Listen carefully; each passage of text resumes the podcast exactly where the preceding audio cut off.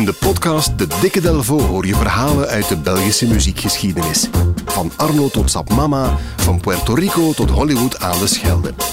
Duik mee in het rijke Belpoparchief en ontdek de verhalen achter Belgische muziekparels. Samen met Jan Delvo, onze ervaren gids. De mooiste Belpopverhalen krijg je in de Dikke Delvo podcast. Hey, dag Jan Delvo.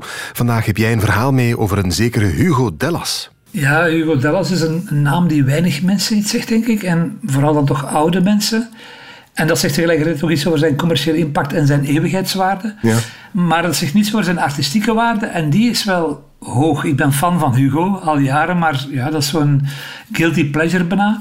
En eigenlijk alleen al omwille van, eh, van, van dit nummer. Broeder, mijn broeder, de avond is rood en treurig mijn lied als de dood.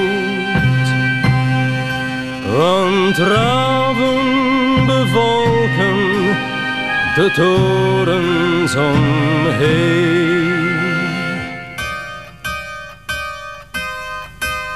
Een man zonder zwaard is alleen.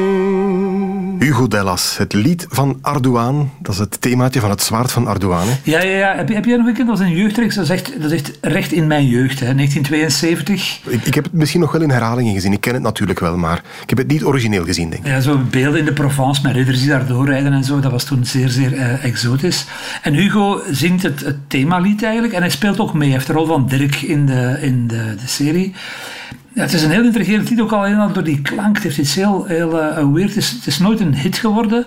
En dat geldt eigenlijk, zoals ik daarnet al zei, voor het hele uiver van Hugo Dellas. Eh, Als hij al bekendheid geniet, dan is dat via zijn deelname aan wedstrijden. Wedstrijden waar in de jaren 60 bij gebrek aan sociale media en bij gebrek aan aandacht ook voor lichte muziek. Hè. Toen had je één of twee uur per week popmuziek op de radio, op alle zenders eh, tezamen.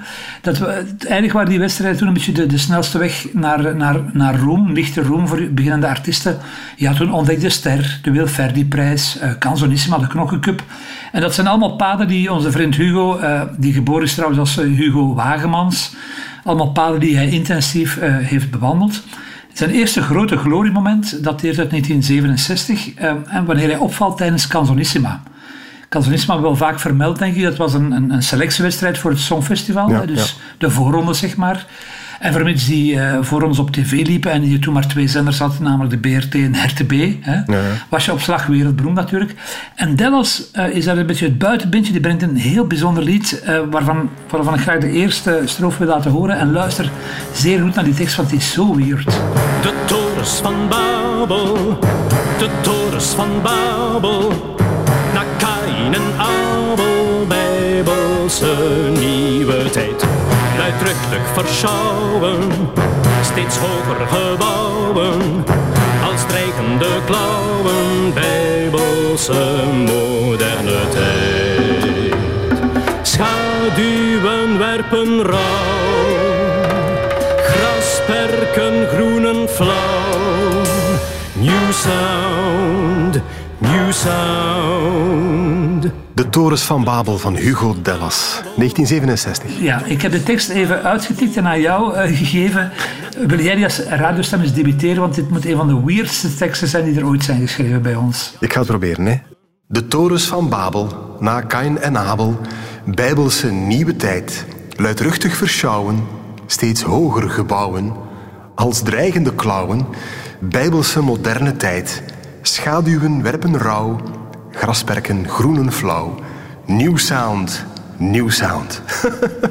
Ja, en eigenlijk zou ik nu aan jou moeten vragen, heb je iets gerookt? Dus, eh, ja, ja, hij had meteen mijn aandacht toen ik dat ooit hoorde, want ja, wat is dit? hè? Dit komt uit 67, toen het woord softrust nog niet eens bestond, denk ik. De, de eerste hippies waren nog heel ver weg. En Hugo schrijft dit, eh, dit eh, soort tekst ook. Heel bijzonder arrangement, ook heel knap. En ook vooral die warme stem van Dallas, die, die toch licht naar zijn tijdsgenoot Louis Neefs neigt eigenlijk. Dus een, een zeer mysterieus eh, man. Die Torres van Babel, ja, dat deed helemaal niets in die Canzonisma-wedstrijd. Want hij was, eigenlijk, hij was eigenlijk uitgeschakeld, want het nummer was te lang. Ah, ja. Want nummer- nummers voor het Songfestival mogen maximum drie minuten duren, nog altijd vandaag. En Hugo zat dan vier minuten. En daarnaar gevraagd zei hij... het is niet erg, ik ben toch opgevallen. Dus hij wil gewoon even uh, de aandacht uh, naar, naar hem uh, trekken. Dus Calzaniswa was vrij goed. Een jaar later wint hij de Knokkencup, was nog zo'n wedstrijd. Dat was een soort, eigenlijk een mix van het WK wielrennen en het Songfestival. Dat was een, landen, een landenwedstrijd. Dus een aantal Europese landen vaarden ploegen af naar Knokken in, in het casino. En dan zongen die tegen elkaar op. Julio Iglesias is daar nog ontdekt zelfs. Okay. en we hebben één keer gewonnen in, in het jaar in 68, 1968, toen Hugo Samen met onder meer Anne Christie en Nicole José. Nicole van uh, Nicole uh, en Hugo. Oh ja. Maar die Hugo zat tegelijkertijd ook in de finale van La Caméra d'Argent met een Franstalig lied. Moest hij ook, dus die pendelde tussen luik en knokken om in twee wedstrijden tegelijk uh, mee te doen eigenlijk. Wat geen eigenaardigheid was voor die bijzondere Hugo, want Hugo zong namelijk in vijf talen. Die heeft, die heeft, die heeft platen gemaakt in het Nederlands, Frans, Duits, Engels en Italiaans eigenlijk. Alleen nog Spaans en dan is hij helemaal zoals Louis Neefs eigenlijk. Ja, ja, ja, eigenlijk wel. Ja, dat is waar. Ja, ja, nu denk ik er ook met dat. Ja, Louis Neefs had dan Jennifer Jennings, hè, zijn inzending voor het Songfestival, in um, zes talen opgenomen toen. Ja. Geef toe, Hugo wordt alsmaar uh, intrigerender. En het mooiste verhaal, en vreemd genoeg, is dat uh, deze week in de, in de hagiografieën, in de gedenkteksten niet vermeld. Hij heeft een tijdje lang met Claude François gewerkt. Ah, echt? Claude François, de grote Franse ster. Aan het einde van de jaren 60, Clo was zeer rijk geworden. Of die zelf wordt geweest misschien. Die begint een eigen platenlabel, dat heet Disque Flash. En hij gaat op zoek naar nieuw talent en hij engageert twee Belgen, Belgische artiesten. De eerste is een zekere Liliane uit Dist die hij de familienaam Saint-Pierre geeft. Ja. Dus dat wordt, en, en die wordt ook vrij groot in Frankrijk. Die doen het, ik denk dat ze drie of vier jaar samenwerken. En de tweede was Hugo. Hugo hij had Hugo gezien in de Knokkencup en hij zei: Hugo is iets voor mij, misschien ook door zijn meertaligheid. Het succes blijft natuurlijk ook nu weer uit, want dat is het, de rode draad in het leven van, van Hugo. Het blijft bij één plaatje, maar ook wel weer een heel knap nummer.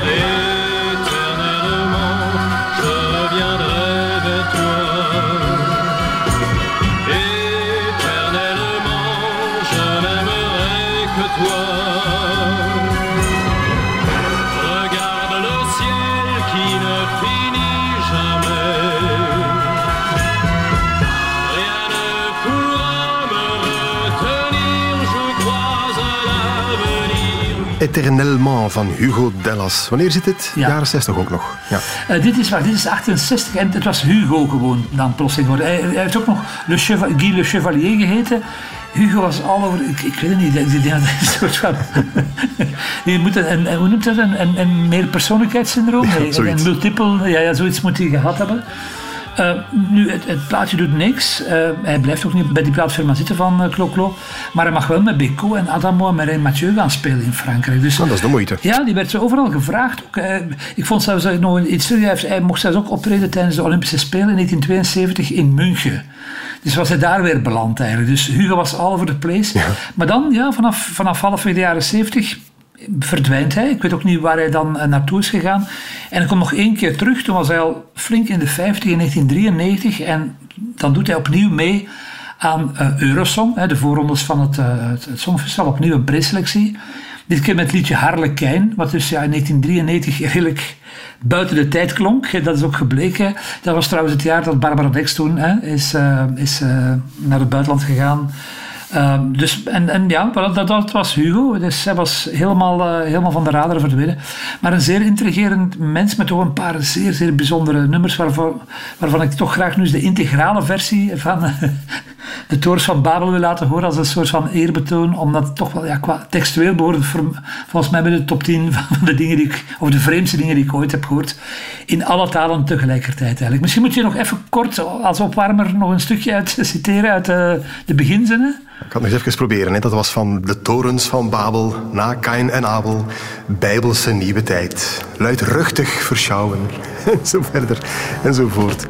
De torens van Babel, de torens van Babel, na Kain en Abel, Bijbelse nieuwe tijd.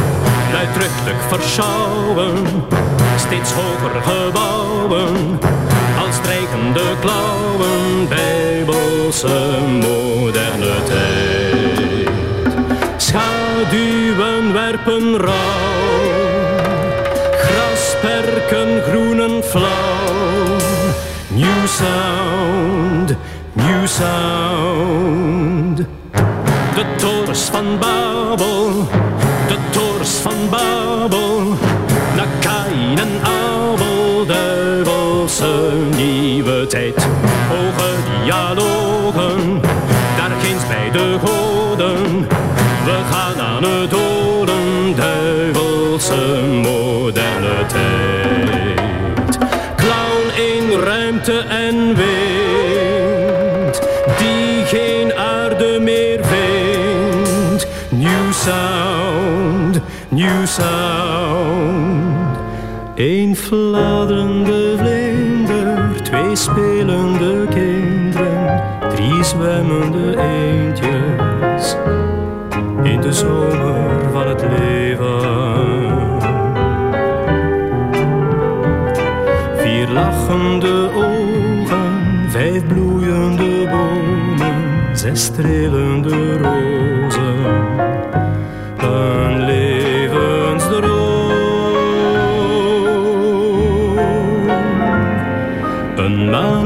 Maanverlicht strandje, twee rustige handen, drie zeilende schepen. In de zomer van het leven.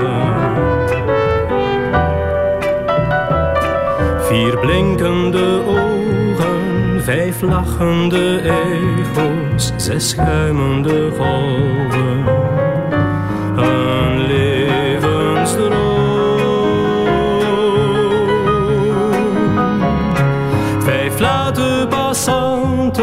Vier straatmuzikanten en een driekwart maat. Twee gaan het elkander, meteen ziet die ander.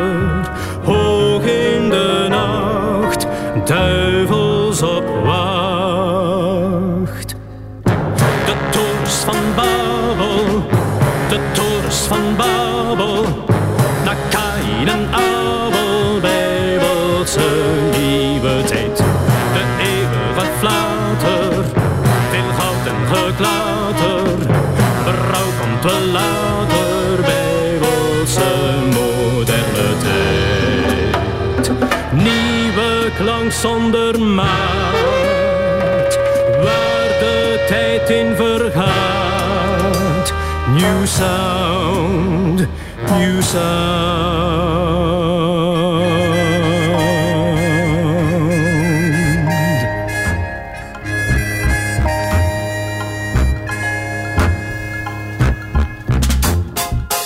Zeker ook de andere Belpop-verhalen in een volgende aflevering van de Dikke Delvo.